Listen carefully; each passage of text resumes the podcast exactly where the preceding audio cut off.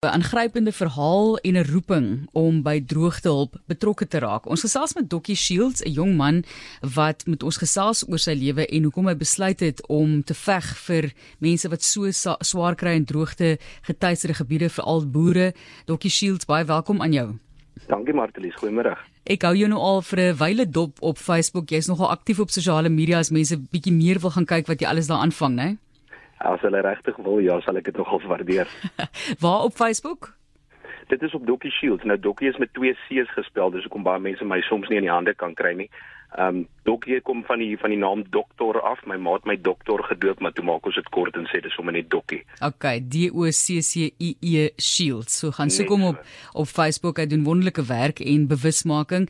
Dokkie, ons gaan nou 'n bietjie gesels oor jou ma, soos jy sê wat jou op so 'n manier vernoem het en hartseer grootword jare vir jou, maar 'n gesin wat jou verwelkom het. En eerstens net, hoekom het jy besluit om by droogtehulp betrokke te raak? Martelies, ek was nog altyd iemand vir landbou as jong seun het ek as ek baie lief vir buitelewe gewees en ek dink wat my gelok het na meer na die landbou se kant toe is maar perde. Ek was altyd iemand wat lief is vir perde gewees en so het my um, aanneem ouers ook gesien dat ek het regtig 'n liefde daarvoor en dalk 'n talent en uh, ek het begin 'n perd ry so in my in my jonger dae. Maar um, soos wat ek ouer geword het, wou ek maar natuurlik meer doen en nooit regtig die geleentheid gekry om in landbou spesifiek betrokke te raak nie en ek het in 2018 het ek in 'n werksmotor van ons gesit en ehm um, so deur Facebook gegaan en ek kom toe op hierdie windpompie af met die Suid-Afrikaanse kleure in. En ek gaan toe daarin dit was op 'n pel van my Louis Spur shot uh, wat dit 'n storie van hom gesit het. En ek gaan toe daarin en ek sien toe dit is die Burre Burger en ek weet nie presies waaroor dit gaan nie en ek begin deur sy blad gaan.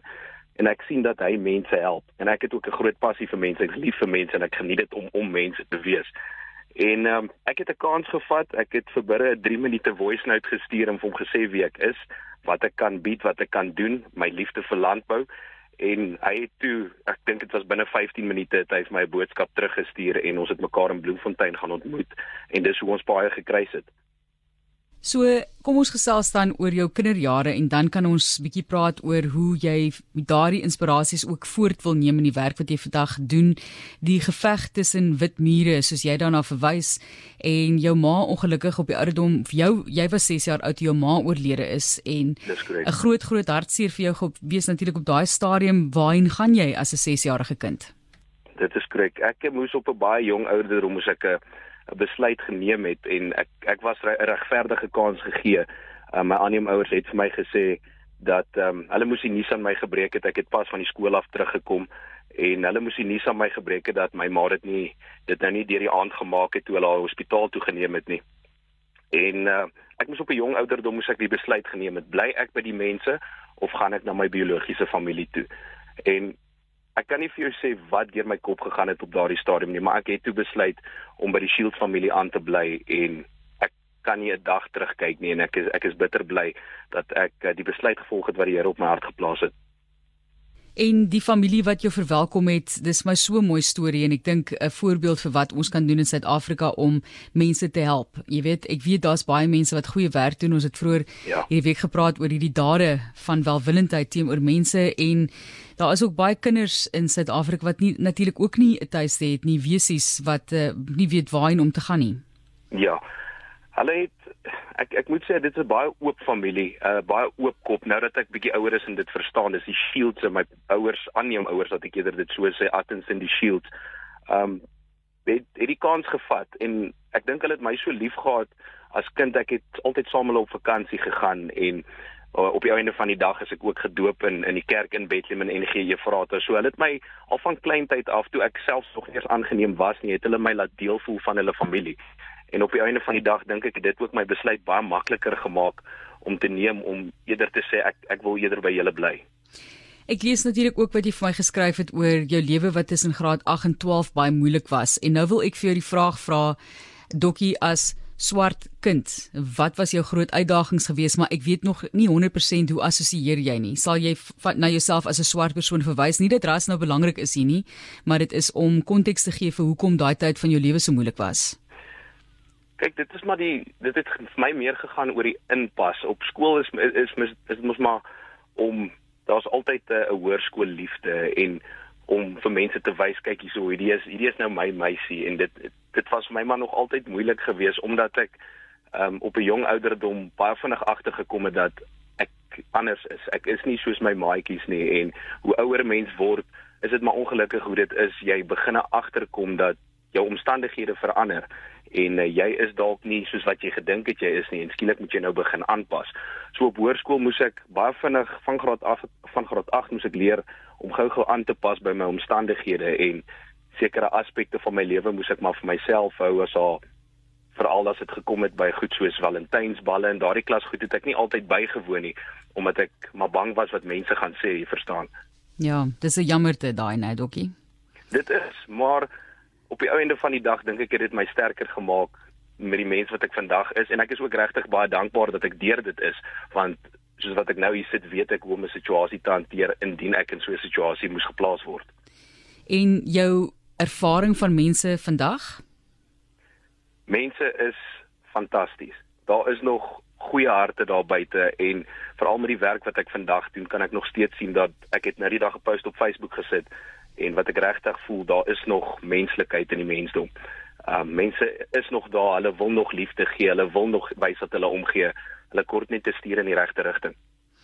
Ons gesels met Dokkie Shields oor sy lewe, die pad wat hy gestap het, die groot uitdagings wat hy ervaar het en natuurlik ook sy roeping soos hy dit stel om by droogtehulp betrokke te raak. So gesels het ons daaroor, jy het nou gesê vroeër hoekom jy betrokke geraak het, maar dit is 'n is 'n groot wêreld van hartseer en swaar kry en as jong persoon om direk daarbey in te loop en direk by lewe, mense se lewens betrokke te raak waar hulle baie swaar kry en waar die droogte nie sommer 'n einde gaan hê nie. Ons weet nie wat voor lê nie. Mens hoop elke keer en jy bid en gaan te kere, maar op die ou end weet mense nie wat die toekoms inhou nie. Is dit vir jou moeilik om daarmee om te gaan?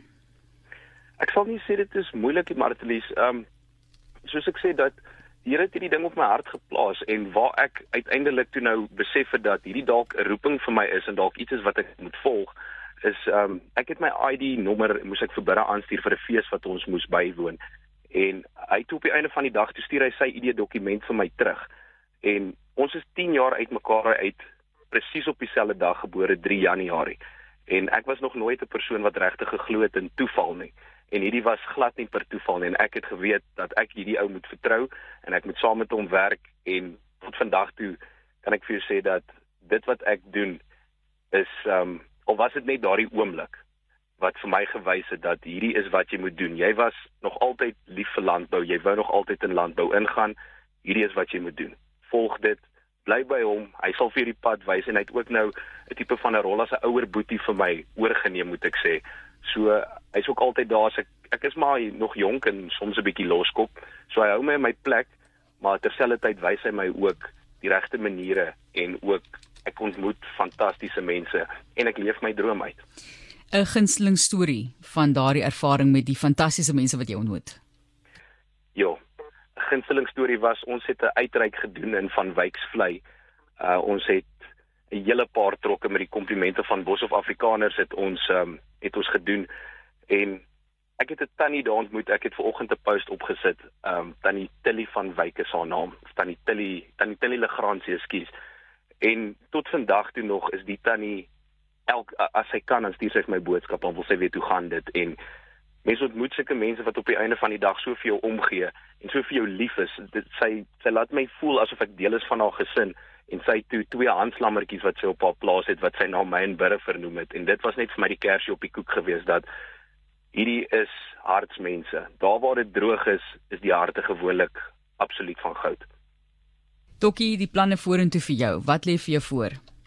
Martelies, heidaglik hierdie jaar is ek besig om weg te spring met motiveringspraatjies by skole. Um ek voel dat ek my storie moet gaan deel met jonger mense wat hulle self self dalk kan vereenselwig met my storie of selfs net 'n gedeelte van my storie kan vat en dit hulle eie maak en op die einde van die dag 'n bietjie motivering vir hulle self daarin sit en hulle self uit 'n gat of 'n moeilike situasie te kry. So ons spring weg nou die 4de Maart is ons in Wolmaranstad en uh, dan doen ek dit vir die eerste keer in my lewe baie opgewonde, maar ek voel dat dat dit is iets wat ek moet doen aangesien ek 'n tweede kans gegee is, wil ek amper sê.